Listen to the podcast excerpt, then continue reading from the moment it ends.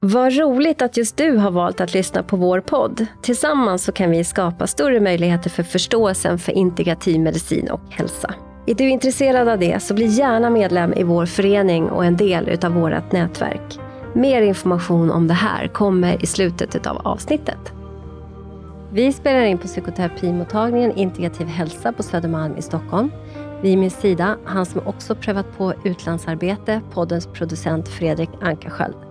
Min gäst idag är Anneli Vernelius Zetterkrans. Varmt välkommen! Tack så mycket!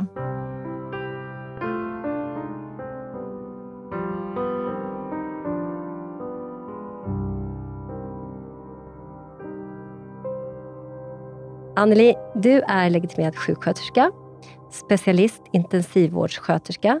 Du är också vidareutbildad i tropikmedicin på Uppsala universitet.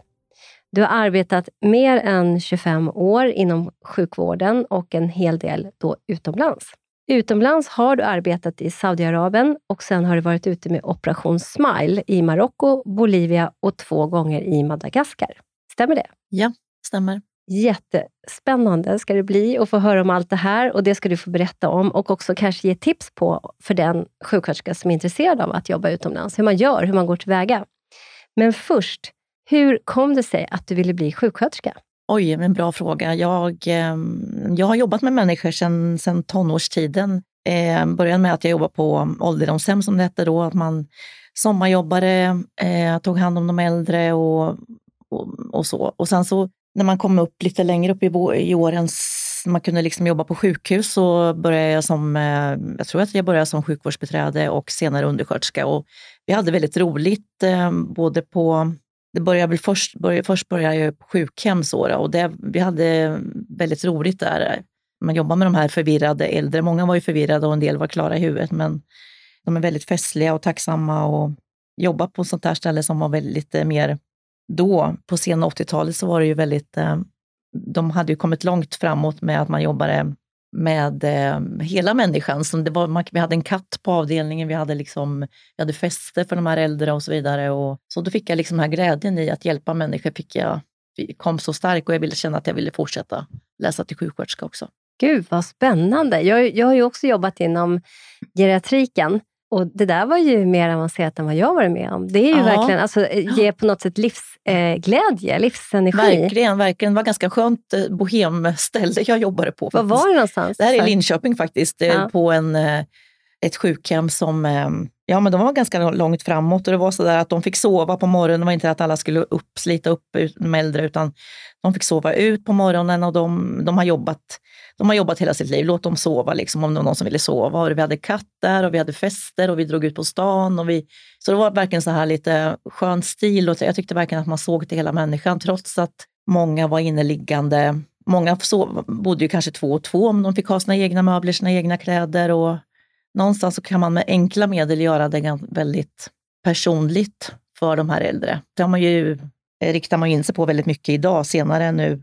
Det har ju liksom forskning visat att det är viktigt att känna igen kläder och möbler och, och sådana saker när man blir gammal och förvirrad. Så det var lite kul. Verkligen. Ja, verkligen. Mm. Hur, hur länge sedan var det här? Oj, det ska vi inte ens prata om, men det var väldigt länge sedan. det här var ja, i slutet av 80-talet, mm. eller mitten av 80-talet faktiskt. Mm. Jag själv eh, ja, men jag, jobbade, jag började jobba inom psykiatrin i början mm. på 90-talet.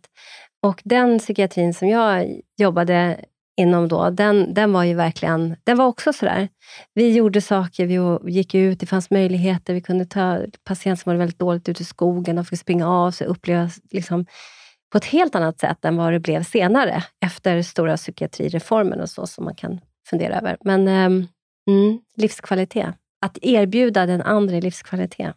Då mår personal, vi personal mår också väldigt bra av det. Eller verkligen, hur? verkligen. Vad hände eh, sen då? Nej, men sen hände, det som hände sen var ju att jag själv var ute och les, reste lite och sådär.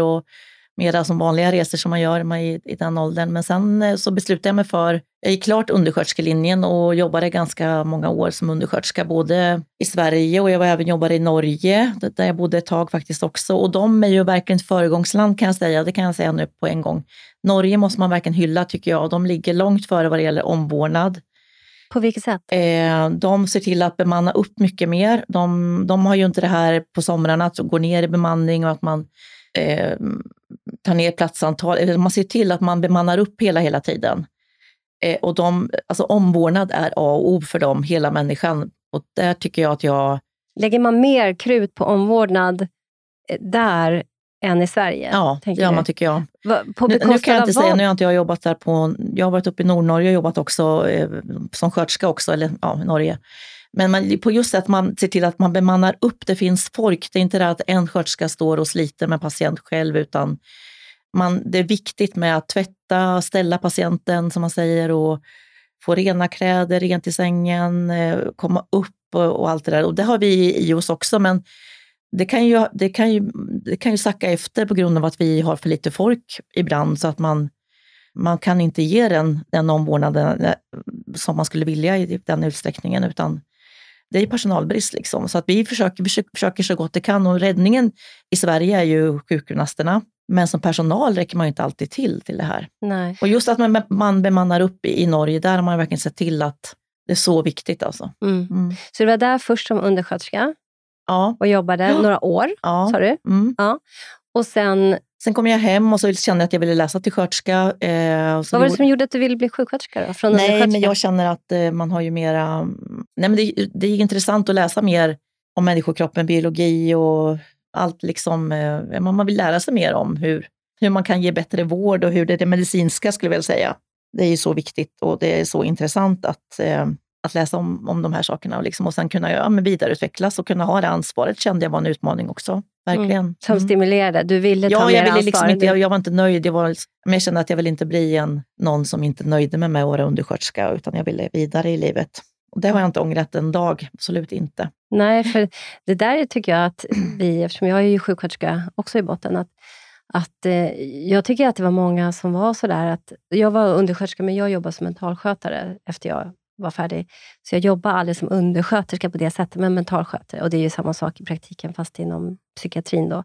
Att det är många som säger så här, ja men man tjänar inte så mycket bättre, man får mer ansvar, man får mer... Du, du, du, Fast det där håller inte jag med om. Det är ju liksom helt två olika yrkeskategorier. Dessutom, idag är det ju bättre betalt. Så, så eh, det fanns inte hos dig, att du jag har aldrig tänkt så mycket ekonomiskt på saker och ting när jag, när jag går vidare, utan jag ville bara bli det här och så kände jag att jag, det var en utmaning och när jag väl var sjuksköterska så var det en, verkligen en glädje att få jobba, jobba med det. Men, eh, ja, men det var ju det här ansvaret, man kände att det var en utmaning och när jag faktiskt började, jag hade inte jobbat så länge som sköterska, då började jag faktiskt på en barnavdelning med cancersjuka barn också. Det var ju verkligen intressant.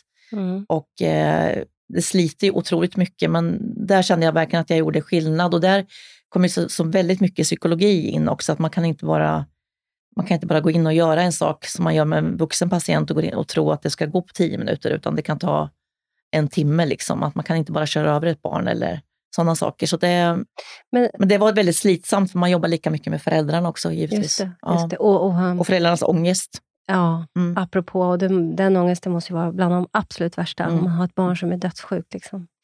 Och då hantera den, hålla space och hålla, hålla dem. Mm. Men när vi kommer in på det, vill du berätta? Du, du är ju idag intensivvårdssköterska, jobbar eh, främst på IVA. Kan du berätta bara, vilka, inom vilka områden har du arbetat som sjuksköterska innan du valde att specialisera dig på intensivvård? Eh, jag har jobbat eh, på en barncanceravdelning, jag har jobbat på um, en hjärtavdelning, jag har sen jag även jobbat med hematologi. Också, jag har dragits liksom mot det här lite komplexa, ja, komplexa och även, och även lite kanske hade också dragits åt det här där, man, där människor mår väldigt dåligt psykiskt också. Av någon anledning så har jag, och det har väl varit både på gott och ont, för att ibland har man ju verkligen tagit med sig jobbet hem lite för mycket. Engagerat speciellt med vuxna hematologipatienter så har man ju engagerat sig eh, och nästan levt med de här patienterna. De var inne i flera månader och det, man, ja, man, hela familjer, barn till, till de här anhöriga, till patienterna. Man, lev, man pendlar mellan hopp och förtvivlan och eh, det var ju verkligen intressant men slitsamt. Men sen kände jag att jag för det var då den här tanken kom att jag ville bli intensivvårdssköterska faktiskt på hematologen. För att de patienterna mm. kroknade ganska fort och de, kunde, de låg isolerade i, en, i ensamma egna rum. Så, och sen eh, kunde de må väldigt, väldigt dåligt. Det gällde att ta koll på de här patienterna för eftersom de blev septiska av bakteriell, Inga. alltså de har inga vita blodkroppar och får en sån här toxisk påverkan på blodbanan så att man tappar ju allt, all väts, eh, ja de tappar ju blodtrycket, man kan inte hålla kvar det i blodbanan så det är liksom, man tappar blodtryck och blir septisk väldigt fort. Så de patienterna kom ju förr eller senare många gånger till intensiven. Då kände jag att jag, nej men fasiken, det är där jag vill jobba liksom. Där man har koll och där man jobbar med de här patienterna och det här komplexa att jobba med respiration, cirkulation. Eller just att ha, jag kände att jag tycker om Du att ville ha... kunna göra mer för Ja. dem, också hantera Ja, när hantera, de blir... ja, Ja, men jag förstår. Få kunskapa mer om Precis. hur du kan ta hand om de här personerna som du... Som det, det låter som att du fick relationer till, så att du liksom ville hjälpa ännu mera. Jag känner så här, man, jag, har, jag har väldigt stor respekt för de här sköterskorna på alla avdelningar som måste ha koll på patienterna, kunna förutse en patient. Man måste ha koll på vätskebalans och, kunna, och så speciellt hematologen, där jag blir ju intresserad av intensivvård. Man måste kunna förutse en dålig, eh, när man ser att patienten håller på att krokna, för det kan ju tippa över ganska fort på en patient som inte har något Immunförsvar. immunförsvar alls. Liksom. Så att, eh, de, patient, de sköterskorna ska ju, de har ju verkligen en klinisk blick och det tycker jag man kan tappa ibland inte på intensivvård, men den får man ju också ha med sig och man får både på intensivvård, kanske ännu mer på en avdelning, men Mm. också på intensivvård faktiskt också ligga ett steg före. Mm, med ja. att- Men där kanske ni har mer, mer hjälp med maskiner som Ja, också läser absolut. av. Liksom. Ja. Men att det gäller att ligga på både på en avdelning och jag menar, de gör ett stort jobb där. Absolut. Jag, jag vet, jag vet Mm. det själv av erfarenhet. Mm, eftersom du har varit där, varit Ja. en av de sköterskorna. Mm, mm. Jo, men så är det ju. Och det kan jag tycka att vi sjuksköterskor faktiskt i... Eh, nu ska jag inte ta bort det från, från alla läkare, för läkare har ju naturligtvis en klinisk blick också, men vi är så mycket mer med patienterna. Så att vi lär oss läsa patienter, vi får den här kliniska blicken som, som jag tycker faktiskt ibland är lite vassare. Jag kommer ihåg själv när jag, när jag blev färdig sjuksköterska och kom ut på avdelningen, så tänkte jag så här, åh, de här gamla erfarna sjuksköterskorna, alltså de besitter sån kunskap och har sån, sån trygghet, vet precis. Blir jag svårt sjuk, då vill jag bli vårdad av erfarna äldre sjuksköterskor och inte liksom unga läkare. Utan de får vara konsulter mer då. Sen får ju de en klinisk blick också, men det är någonting annat med oss sjuksköterskor. Vi kan lyfta på täcket och titta. Vi, vi ser liksom var en patient är på väg någonstans. Då utbildade du dig till eh, intensivvårdssköterska och eh, var började du jobba första gången? Jag, jobbade, jag kom faktiskt här till Stockholm då. Jag ville byta miljö och så kom till Södersjukhuset i Stockholm här på intensiven, kirurgintensiven där, började där. Eh, Jag tyckte att det var fruktansvärt jobbigt för det var tre enheter man skulle börja på. Det var uppvaket, postop och intensiven. Jag hade väldigt höga krav på mig själv men jag lyckades bli varm i kläderna. Mm. Mm. Och sen fortsatte jag till andra intensivvårdsavdelningar också sen då. Så jag har, nu har jag jobbat på flera stycken. Det har du gjort. Och du har då också arbetat utomlands. Norge har du nämnt. Vad, och, och jag nämnde också i, i introduktionen i Saudiarabien, Marocko, Bolivia och Madagaskar. Berätta, hur kom det sig att du liksom fick idén om att du skulle jobba? Var det Norge som stimulerade det eller vad, vad var det som gjorde Eh, att du... nej, men jag kände att jag alltid har egentligen velat åka ut med Läkare utan gränser och de har jag faktiskt inte varit ute med ännu, men det kanske inte är för sent. Jag håller på lite nu och kollar.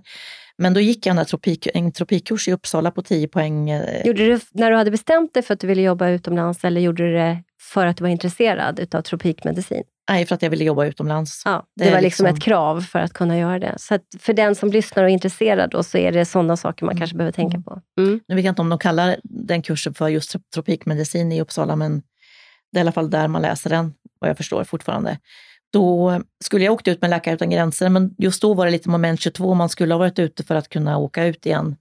Då kände jag att jag, mm, då hittade jag på något eget eh, och hittade mm, det här jobbet i Saudiarabien som många på den tiden och fortsatt tror jag gör. Åkte ut eh, och jobbade i Riyadh faktiskt. Ett år, då jobbade jag med barn med eh, cancersjuka barn där också. Och man hade olika sjukdomar, medicin, medicinsk, eh, medicinska sjukdomar och cancersjuka barn och så vidare. Och det var väldigt, väldigt roligt kan jag säga. Det var en sån kulturkrock, men så himla roligt alltså. Hur märkte du kulturkrocken?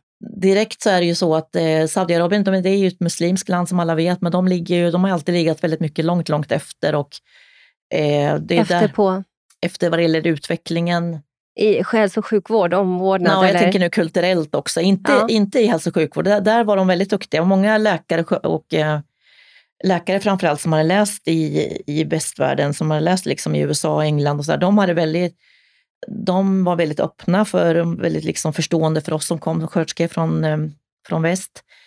Eh, och var väldigt open-minded och tyckte att de har respekt för att vi, hur vi lever våra liv, att vi kanske inte gifter oss direkt, utan vi är väldigt intresserade av att vi, ja, nu flyttar ihop först och intresserade av vår kultur.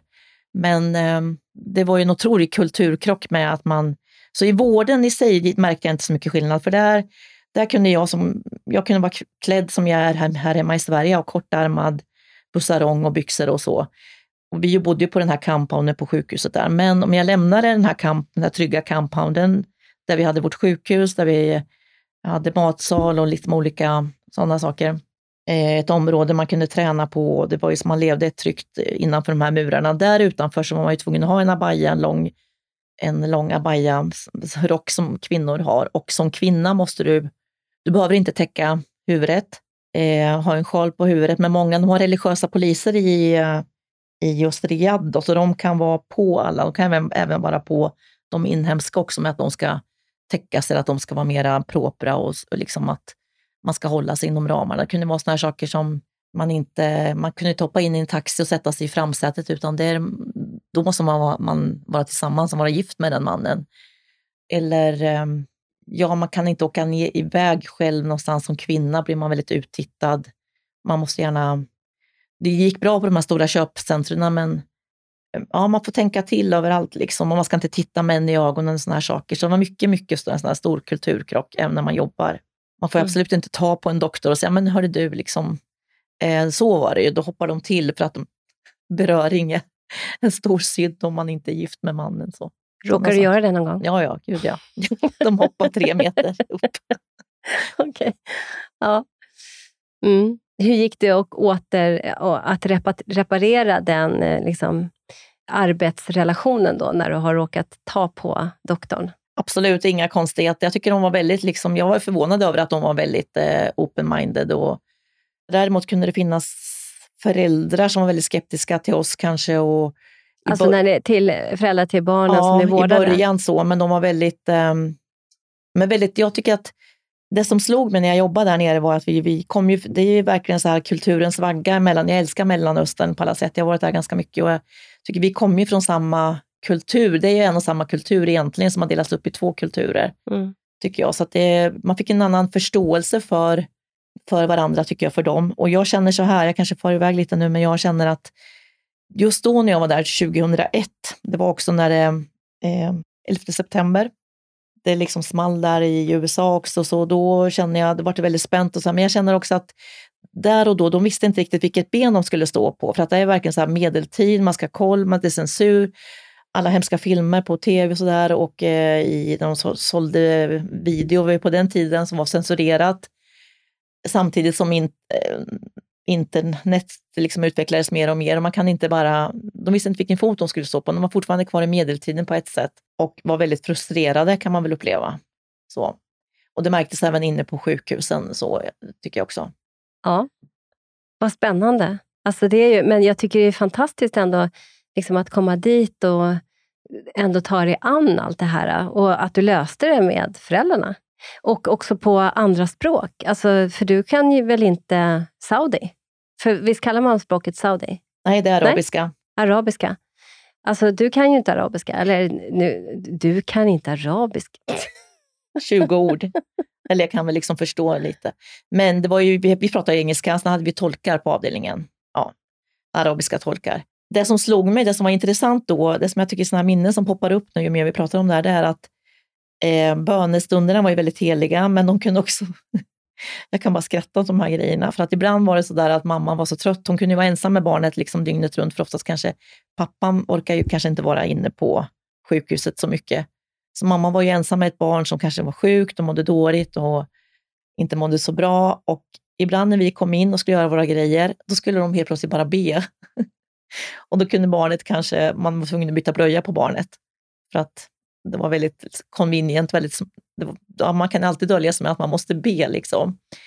Eh, och sådana här saker är väldigt komiskt att tänka på i efterförloppet faktiskt. Men jag tycker att det var jättekul och det var fruktansvärt jobbigt initialt, men det var också väldigt, väldigt intressant. Jag hade älskat den tiden. Jag skulle gärna vilja jobba i de där trakterna igen, verkligen. kanske ska göra det. Mm. Kanske. Ja. Ja, du var där i Saudiarabien och ett helt år Mm. var du där, bodde där. Och sen åkte du hem. Hur fungerar det där? Nu kanske det är annorlunda idag, men behöver man visum för ett helt... Alltså hur är det när man kommer dit eh, i arbete? Ja, då behöver vi arbetstillstånd, eh, eller visum givetvis. Det fick vi via den här eh. Jag sökte, åkte via ett företag, ett irländskt företag som ordnar alla papper och så. Mm. Du, är det på samma sätt idag? Jag skulle tro att det är på samma sätt idag. Jag vet inte riktigt om de har... Eh, Saudiarabien är ett väldigt komplext land. De är ju de är väldigt, väldigt liksom, eh, ett väldigt rikt land och det finns många, många rika människor. Men samtidigt så tar de faktiskt hand om sina fattigaste människor också. Alla får gratis sjukvård, Det är absolut ingen som lämnas utanför. Men vi kunde ju få in eh, människor, föräldrar, barn från som var beduiner kan man kalla dem för, från öknen som inte visste vad man gjorde med toalett. Man kunde sätta sig och kissa i duschen till exempel. Och, eh, sådana saker. Och, men alla får, alla hur fattiga eller hur enkelt liv de lever, får de gratis sjukvård. Eh, men sen är det ju väldigt, de är ju väldigt bekvämt folk. De har oljan, de tar in arbetskraft utifrån eh, otroligt mycket. Och jag vet inte, man önskar nästan att oljan skulle ta slut snart för att för hela, dels för klimatet men också även för deras del för att de gör ju inga dirty jobb själva egentligen utan de, de har ju, de har ju tjänare, de har liksom, eller städare, de har hemhjälp, barnflickor, allt sånt där. De är otroligt bortskämda. Så de som har råd skaffar sig allting sånt. Jobbar ju inte mycket, de kan inte, så det är lite tråkigt. Och jobbar de så har de, är de väldigt välutbildade, de, de är läkare och det kan även vara kvinnliga läkare som, som ingen knäppte på näsan verkligen. Det kunde man ju tro att de skulle vara nedtryckta också som, man, som det har varit i, som det är i samhället där. Men de hade verkligen pondus. Var ingen som knäppte dem på näsan. De hade liksom läst utan till, utomlands och de kunde sin grej liksom och var stolta över det. Så det tycker jag att de var väldigt jämlika. Jag blev väldigt förvånad över att läkare, kvinnliga och manliga läkare på sjukhusen var väldigt jämlika faktiskt. Även sjuksköterskor? Nej, där var det hierarki givetvis. Och sen var det sköterskor, många från andra länder, många filippinska sköterskor som är där och jobbar och de får ju inte alls samma lön utan man får lön utefter vad man tjänar ifrån hemma. Så att de kunde tjäna mycket, mycket mindre och det var ju väldigt liksom surt för dem att veta att vi kommer vi nya där på avdelningen ska läras upp och de får bara hälften av vår lön för att det är liksom, man ska lägga sig på den nivån man har hemma ungefär och få lite till. Det är väldigt Så konstigt det är, allting. inte, det är inte det som man kanske har hört, att, det är som en, eh, att man kan tjäna förmögenhet och åka till Saudiarabien, för man får ändå motsvarande det man tjänar hemma. Nej, man får, ju mycket, man får ju mer och det är ingen skatt eller någonting på det. Absolut, man kan absolut tjäna en förmögenhet. Men eh, jo, det, det var ju stor skillnad på den tiden, absolut. Men jag bara känner att för de stackars, eh, och för dem var det också bara därför de jobbade där, de från Filippin, Filippinerna. De jobbar ju där för att de tjänar ju bättre, men det var väldigt ojämnt så. Mm, beroende på vilket land man ja. kommer ifrån. Mm. Vet du om det är så fortfarande? Skulle tro att det är så fortfarande. Mm. Ja, vad intressant. Vad, vad mer kan du berätta om alltså, lärdomar, upplevelser av att jobba utomlands på det sättet? För Ja. det, det sporrade dig uppenbarligen till Mm. att göra mer. jag känner så här att man blir väldigt tacksam. Det var ju så här, vi levde liksom under, i Riyadh, där det är mest religiösa i hela Saudiarabien. Vi var över någon gång till Jeddah, flög ut till kusten någon gång. Eh, och där var en helt annan frihet för kvinnorna. De kunde gå själva med sina barn ute på stan. Så vi bara, oj, de går utan någon man eller någon, någon son som är äldre och sådär. För att i Riyadh är det verkligen, de är hårt hållna av sina religiösa poliser och sådär. Eh, nu idag tror jag, nu kan ju kvinnorna köra egna bilar också, det gjorde de inte på den tiden. Eh, men jag, det som slog mig var att vi västerlänningar blev väldigt så här att man lärde sig att ta tillvara på dagen för att rätt som det var så kunde metauerna bara stänga ner restauranger som de misstänkte hade alkohol eller man stängde ner olika saker. Det blev att var det någonting på gång så, så gjorde man där, gjorde man sakerna där och då. Vi var ute och campade i öknen och någon gång var det, man lärde känna folk, man tog tillvara alla kontakter. Man visste var man kunde träffa andra från andra compound. Det var någon, någon som bodde i något område där som hade, man kunde släppa in olika liksom, människor på ett och samma ställe. Och, eh, det var väldigt viktigt med alla kontakter och viktigt att hålla ihop. Och sen var det också så att eh, någon kände någon rik prins som bjöd ut oss i öknen till sitt sommar, ja, sommarparadis. I öknen? Ja, Han både hade ett sommarparadis i öknen och där var det liksom pakistanska tjänare, jag har faktiskt bilder på det här, det är helt, det är helt, jag får nypa mig i armen för att förstå att jag varit med om det. Det var pakistanska tjänare som kom och serverade oss liksom te i såna här silver. Vi satte på, på de här eh, eh mattorna ute, utomhus. Ja, det var väldigt, väldigt häftigt. Mycket, mycket minnen som man, som är helt, som man inte kan tro att man har varit med om faktiskt. Gud vad roligt. Mm. Ja, och sen, sen åkte du hem efter Saudiarabien. Jobbar du ett tag eh, hemma då i Sverige igen eller vad hände sen? Ja, då jobbade jag i Sverige. Precis, började jobba på hematologen och, och så. Och så läste jag till IVA-syra. Men när du åkte med Operation Smile till Marocko, Bolivia, Madagaskar. Var du intensivvårdssköterska då redan? Ja, då hade jag börjat jobba som intensivvårdssköterska. Då hade jag också börjat jobba på barnintensiven i, här i Stockholm. Eh, för att jag tycker om barn och där var det ännu mer slitsamt med föräldrarna också. Det var väldigt intressant och väldigt kul, men väldigt, väldigt jobbigt med man vårdar hela familjen, man blir som en mm. psykolog åt hela familjen, så det är slitsamt psykiskt att jobba där givetvis. Dels att se de här barnen, men kanske nästan mest att ta hand om hela familjen för att det är en fruktansvärd ångest de går igenom, givetvis. Och det är helt naturligt.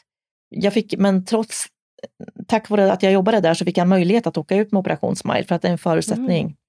ah, för att okay. du jobbar med barn. Eh, då hade inte jag jobbat så länge där på barnintensiven så då jobbade jag på, när jag åkte ut så jobbade jag på, inte på recovery som man säger efter operationen utan på avdelningen. Recovery, det är samma som uppvakat? Ja, precis. Ah. Så det här var på en avdelning, eller avdelningarna som jag jobbar på, på olika, i olika länder. Och där kommer ju det här slitet med att de är vakna, de har fruktansvärt ont, man ska försöka få i dem vätska via, ja man ger dem liksom eh, glass, saft och se till att de har vätska, att de kissar och så är det ju tolkar som går med oss hela tiden och så ska man höra att de har kissat och det, det är liksom enkla sjukhus det, det kan lukta illa som det var Madagaskar. Det var stora råttor som sprang omkring på golvet och vi gör liksom droppställningar av pinnar i stort sett. Det var så, man kan, alltså man kan, inte, ens, man kan inte ens föreställa sig hur fattigt och hur dålig sjukvården är där. Men man gör, man gör man situationstecken, ett sjukhus, en sjuk, man gör en avdelning helt enkelt. Eh, liksom, för på avdelningen är det väldigt, väldigt enkelt, men det som, för att det ska fungera med operationer och så, så tar man ju ner, man kör ju ner stora containrar från det närmaste land, där Operation Smile har ju olika center som de skickar ut sina ut, utrustningar ifrån. Då är det stora containers som kommer med, med kirurgisk operationsmaterial, allt som kirurgerna behöver. Så de bygger upp en steril operationsavdelning.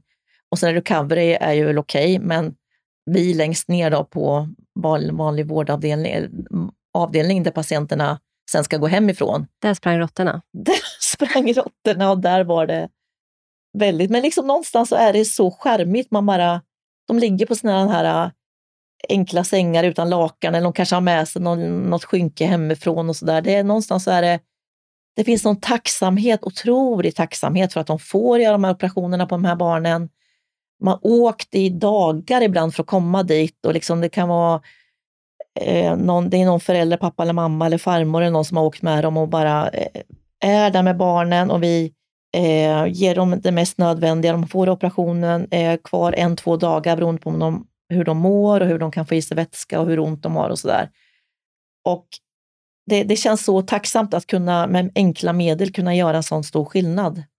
Ska vi bara backa lite så får du berätta Operation Smile, alltså vad är det för, för organisation? Vad gör de för någonting? Det är ju en organisation som egentligen startades i USA. Eh, nu kommer jag inte ihåg namnen på dem, det borde jag kommit ihåg till den här eh, av ett eh, par läkare. De är kirurger, bägge, plastikkirurger bägge två, som har byggt upp det här, eh, som var ute jobbade utomlands vad jag förstår, eller såg mycket när de var utomlands, bestämde sig för att de ville starta den här organisationen i USA, Operation Smile, med ideella medel. Då. Alltså allt är ju byggt på ideella medel och även, sen spred det sig också att man, fick en, man kunde utgå från Europa och sen även Sverige. Operation Smile har ju funnits kanske i Sverige nu tror jag 10-15 år skulle jag tro, 15-20 år kanske till och med. Det är allt bygger på ideella medel helt klart. Eh, även våra Eh, sköterskors kostnader att åka ut. Man är ute tio dagar då ideellt.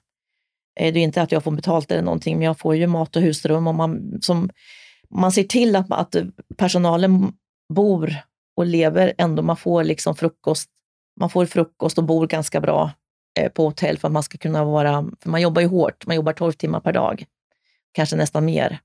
Antingen 12 timmar dagtid eller 12 timmar nattetid. Hur länge är man där? Man är där tio dagar, men då är man ganska slut efter den här. Så man hinner ju inte se så mycket. Man har en bonding day första dagen. Man lär känna alla och sådär som man ska jobba med och man åker ut och gör någonting. Eh, som i Madagaskar åkte man ut och man åker ut och liksom tittar på någonting, någon sol eller Ja, något någon som är kulturellt. liksom. Ja, aktivitet. Ja. Och det ju, man får ju se andra länder. Jag tycker det är en helt fascinerande, ett fascinerande sätt att komma ut på och även få göra en insats. Man är ju så rik inombords så man känner att man har gjort något meningsfullt.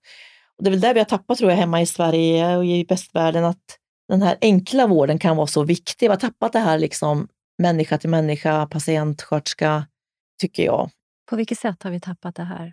Jag tycker inom intensivvård och även som kanske på avdelningar, då har man den vården. Men sen är det ju så mycket idag, eh, jag tänker på den eh, primärvården, att det är så svårt att komma till och få träffa någon. Bara en patient kan bli lugn av och må tio gånger bättre bara av att få höra att det är okej, det är lugnt, du, är, du behöver inte söka akut nu, eller en medmänniska, människa till människa. Det här har vi tappat tycker jag. Och, och att man kan vårda med så enkla medel. Nu, det är så mycket administrativt som, som vi lägger pengar, resurser, tid på.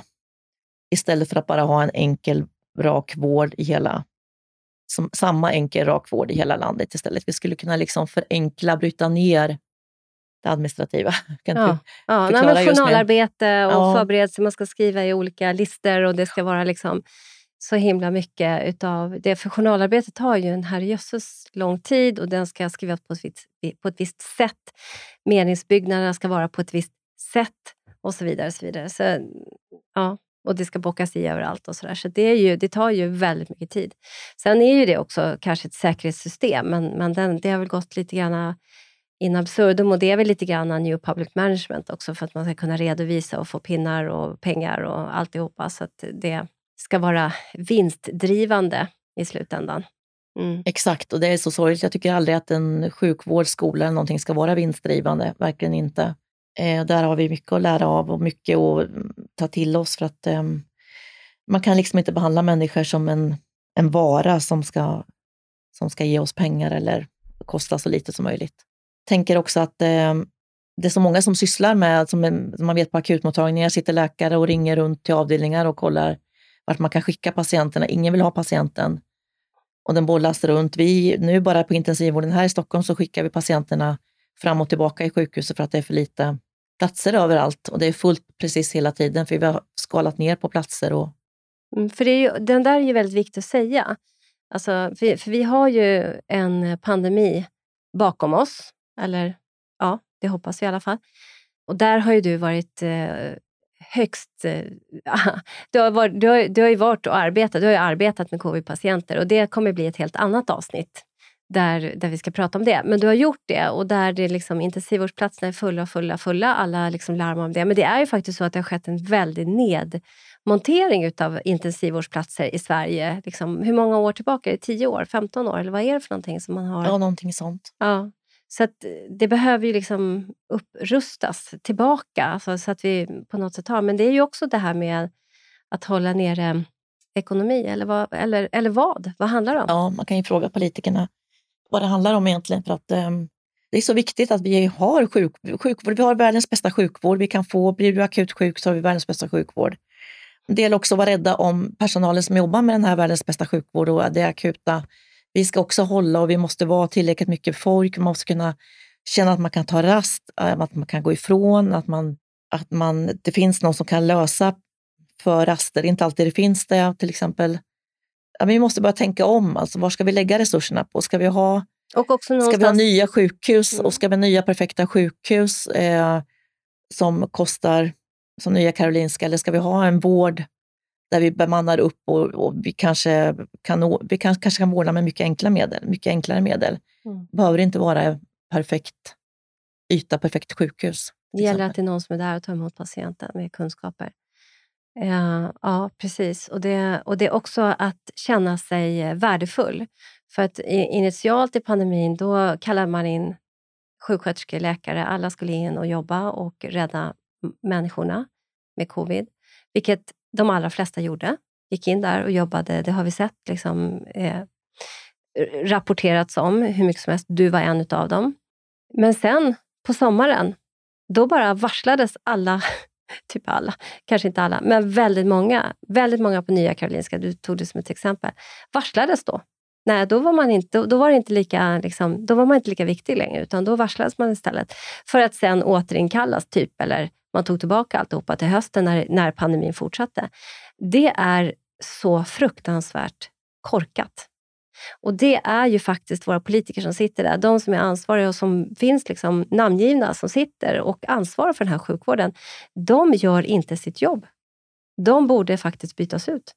Och där borde det finnas politiker som har suttit med och som, som har sjukvårdskunskaper. De, de ska dit och bestämma för att kunna göra om och göra rätt. Faktiskt. Och det, det borde den här pandemin visa oss. Verkligen. Men eh, vi tar det till ja. nästa avsnitt mm. och går tillbaka till eh, Operation Smile. För att de, ni åker ju ut, när ni åkte ut, det Operation Smile gör, vad gör de? De, de hjälper barn med? De hjälper barn med läpp och gomspalt. Det kan vara barn som bara har en klyven läpp när de föds eller som barn som har en klyven gom som är liksom, eh, ja, där de inte ens kan få i sig mat, välling, bröstmjölk när de är små, utan de kräks upp den, den åker upp i näsan direkt. Och det gör ju att de blir undernärda, att de blir... Det måste finnas aspirationsrisk också. Absolut. Och, och, Sjuka och liksom eh, verkligen. Och det, det otäcka i tredje världen är att de blir undanskuffade också för att det kan ju ses som att det är en ond ande som eh, Jaha, de man, ser man det som det, att det är en ond ande som har orsakat det här? Eller? Man straffas lite som det var förr i tiden, att, någon förälder, att man har gjort något fel som fick det här barnet att de kan inte gå i skolan. De, de, ser, de ser väldigt eh, missbildade ut till att börja med. Det är liksom klyvet det hela kan ju vara ända upp till näsan och föräldrarna skäms lite över dem och det blir en ond cirkel. De kommer inte att gå i skolan för att de kan inte orka kanske gå i skolan eller får inte i sig näring. De eh, blir liksom utstötta i samhället under hela livet kan man säga för att de är konstiga, de ser konstiga ut så. Så vilken insats. Så där, där åker ni ut med dessa ganska enkla hjälpmedel. Eh, eh, operationsmaterial, kyr, kyr, material för kirurgerna kommer i container. Ni bygger upp liksom en vårdavdelning där råttorna springer. Och, eh, och, och, men att, och där, där bedrivs den här avancerade vården för att eh, kirurgiska ingrepp för gom och läppspalt, det är ju inte en enkel operation. Eller? Nej, det är samtidigt det måste vara en specialist, måste vara en plastikkirurg som jobbar med det här. Um, Eh, så, och man håller på att lära upp eh, många av de, de inhemska kirurgerna också på varje plats. Så att i Indien till exempel har man byggt upp, håller man på att bygga upp ett sjukhus nu. Jag tror att de är i full gång förresten. Där man har lärt, lärt upp eh, plastikkirurger, inhemska också. De har ju funnits där kanske några stycken också, men inte till den utsträckningen så. Men eh, egentligen beror på, eh, det finns väl svåra eh, gomspalter som är väldigt svåra kirurgiskt. Men det är ju ändå ingen operation som tar en lång tid. så. Utan, och ibland kan man behöva göra det i flera omgångar, att man först syr ihop läppen och sen så får man vänta och sen så man, man gör det i två omgångar. Så, men operationerna tar inte så lång tid egentligen vad jag förstår. Okay. Men man ska ändå, det ska ändå vara specialister som gör det. Det är ju, fin, det är ju finlir givetvis. Mm. Mm. Men jag tänker också hela den här eh, problematiken kring aspiration som vi kan ju säga är att man helt enkelt eh, drar ner vätska eller mat eller annat ner i lungorna helt enkelt, i, på fel ställe, luftstrup och lungor. Och där i, då kan det bli lunginflammationer, det kan ju, kan ju bli ännu värre att man helt enkelt inte kan andas för det blir ett stopp och, och så vidare. Men det komplexa tillstånd kan ju utvecklas från det. Och de, det finns en stor mortalitetsrisk, risk för död. Absolut, mm. ja, absolut. Och de, det är också, man drar ju med sig med om man inte får i sig näring, man får inte i sig mat som man ska, så går man ner i blodvärde. Eh, man har sämre immunförsvar och alltihopa som du säger. Absolut, det blir en ond cirkel av alltihopa. Man skuffas undan från eh, att vara, inte vara ute bland andra barn och leka och man göms bort nästan i någon mörk vrå. Så. Ett väldigt sorgligt. Men vad händer när de får de här operationerna då? Och så blir de liksom väldigt, jag har ju sett bilder från operationsmall, det är ju fantastiska. Alltså, det, det blir ju en, en liksom, de blir ju otroligt fint läkta, många av dem. Det blir en total förändring i verkligen ja. hela livssituationen. Och det går också går det att återinföra i samhället om de varit undanskuffade? Vad jag liksom... förstår så, så, absolut så tar samhället tillbaka dem igen sen. Liksom. Så, eller vänner och familjer andra om man förstår att eh, det är inte alltid man tänker att det är någon förälder som har gjort något fel eller att det är något andligt. Så, så, men, det de, finns en sån Men aspekt. det finns en sån att allt som är konstigt ska man gömma undan. Så, är det ju, så var det ju kanske i Sverige också för hundra år sedan. Så, liksom. så att eh, de tas tillbaka och de får ett, ett eh, värdefullt, eh, värdefullt liv liksom, som är... Vilken, vilken, ja. Eh, vilken insats! De ska verkligen ha stor eloge, de, det här läkarparet. Som ja, verkligen. De har räddat många liv. Ja, verkligen. Och också inte bara de enskilda liven, utan vi lever ju i familjer som har slitit med den här problematiken. Jag tänker bara med ett barn som, som har den här problematiken, hur mycket det tar på föräldrar och mor och far och föräldrar och, och syskon och så vidare. Lidande, smärta, sjukdom alltså, och så vidare, som, som allt kan få lugna ner sig. Det är absolut, otroligt. Absolut. Så det är ju många... Nej, men det, är, det är väldigt värdefullt att åka ut och men det, men det kan man sakna när man kommer hem lite, det här att man får att man skulle vilja göra mer. Vi kan göra så mycket mer inom vården, verka inom svensk sjukvård. Vad tänker du på då? Nej, men man skulle liksom kunna lägga så mycket mer resurser på primärvård, på eh, höja statusen på att jobba inom vården. Och det har väl börjat För vissa lite... yrkeskategorier då, tänker ja, jag. För att läkare har ju ändå en, en, en, hög status. Liksom. Jo, det Eller? tror jag vi sköterskor också. Det, speciellt efter pandemin så tror jag att det blir väldigt lite inne att vara intensivvårdssköterska. Absolut, det kan man ju se. Men många, den dräneras, vården dräneras ju också för att många drar sig till bemanningsföretag för att vi blir inte uppskattade tillräckligt mycket inom landsting, statlig vård. Så från och med nu, vad, har du något nytt projekt att du ska jag skulle gärna vilja åka ut, med, jag skulle gärna vilja åka ut igen och då vara ute en längre period. Kanske med Läkare utan gränser och göra en insats och kunna med enkla medel där också. Just primärvården där och få kontakt. Jag gillar det här kontakt med folk. Jag är kanske inte så intresserad av att vara just i det här akuta när, när man jobbar utomlands, utan mera få den här kontakten med andra kulturer, andra människor och eh, förstå att mm, de är så tacksamma för vård. De har ju alldeles för lite läkare, sköterskor, primärvård. Det har ju vi i Sverige också, men där finns en helt annan tacksamhet och den fattigdomen gör att man, eh, man är ju mycket, den föder ju tacksamhet också. Fattigdom gör att man är tacksam för det lilla man får. Och den är väldigt, eh, ja men det känns ju bra att kunna ge det, ge det lilla till de som vill ha någonting. Ja, verkligen. Nej, men det är faktiskt det.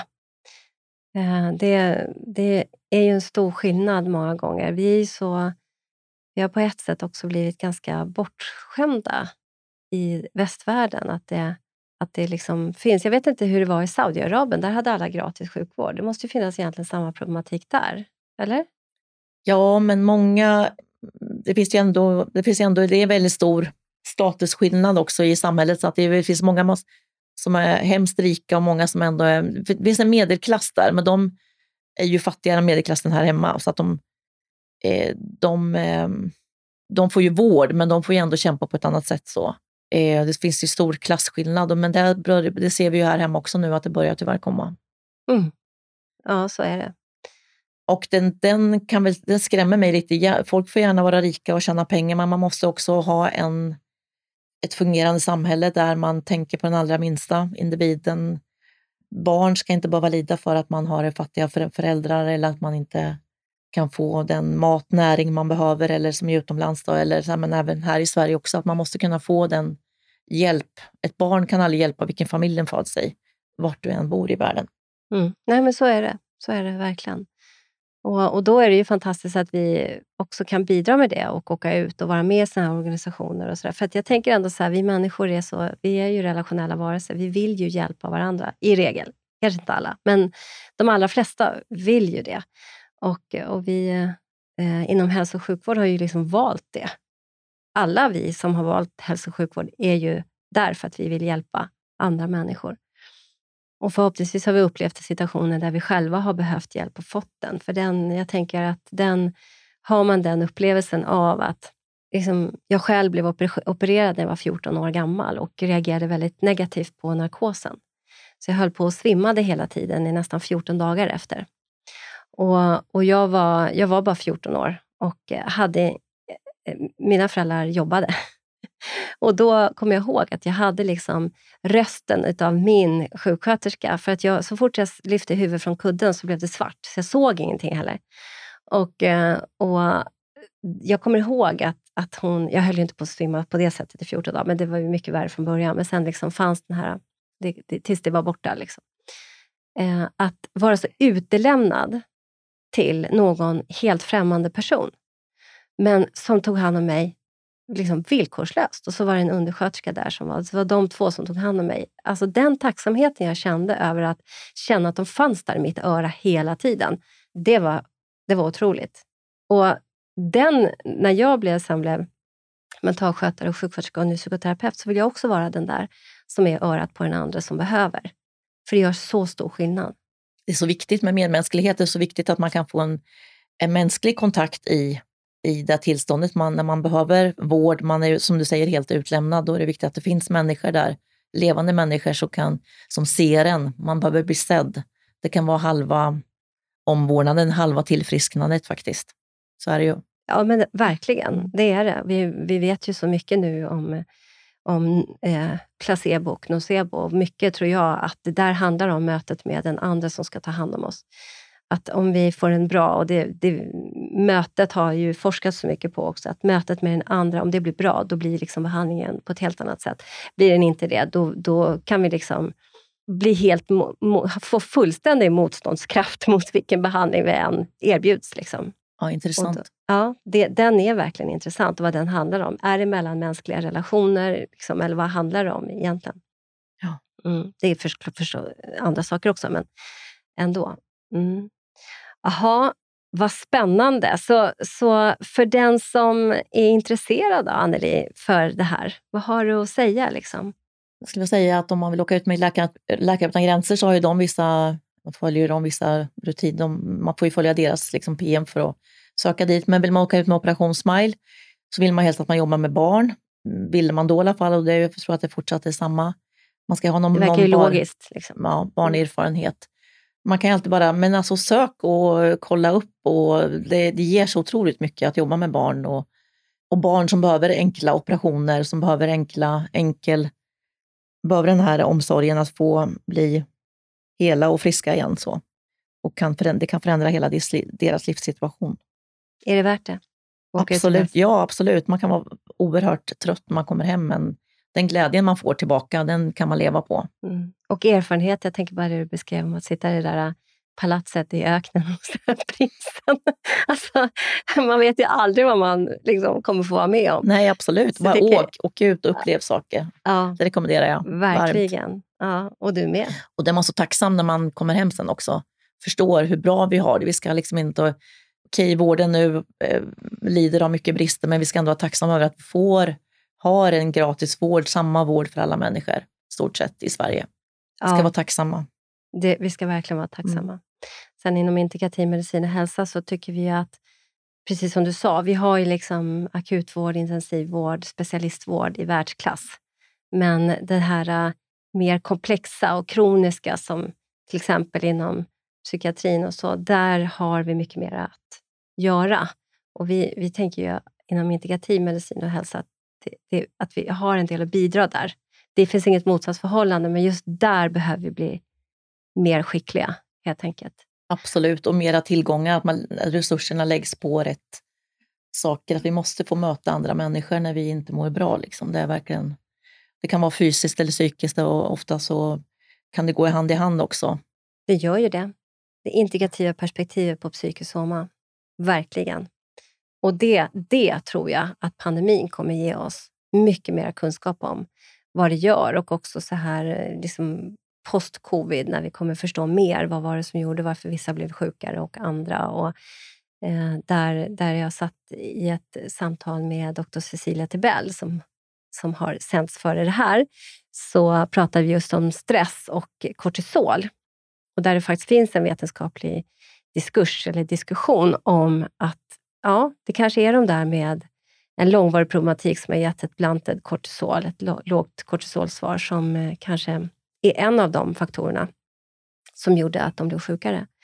Och då tänker jag också så här, stress utav att vara en pandemi, stress av att vara isolerade, stress av att vara rädda att få det där viruset vi inte vet. Stress för, ska jag ta vaccination eller inte? Vad innebär det med biverkningar och vad säger de runt omkring mig om jag säger nej? Och stress över att åh, de där som inte tog vaccinationerna har stressat mig för jag är rädd för dem och så vidare. och så vidare. Det är en väldigt komplex bild. Vad gör det med oss? Vad gör det när vi inte andas frisk luft och promenerar och tränar som vi ska göra? När vi liksom, ja, men det är en sån komplex bild. Verkligen. Och där tänker jag att integrativ medicin och hälsa har mycket att bidra med. Med att förstå just kropp och knopp i Absolut. relation till varandra. Så innan vi avslutar det här samtalet, eftersom vår tid börjar rinna ut, så vill jag fråga dig, är det någonting som du känner att du skulle vilja berätta om, som jag inte har frågat om och som du inte har sagt någonting om, men som ändå är viktigt? Jag tror att vi har berört eh, det mesta och eh, jag är glad att jag fick eh, delge de som lyssnar av mina äventyr. Även om det inte varit så många så även det har gett mig otroligt mycket. Det lilla jag varit med om har gett mig otroligt mycket och det kommer det göra för dig som vill åka ut också kan jag bara säga. Anneli, Stort varmt tack för att du ville vara gäst i vår podd och på återseende mm. då vi ska prata om hur ni hade det i intensivvården under covid-pandemin. Mm. Tack så mycket för att jag fick komma. Tack.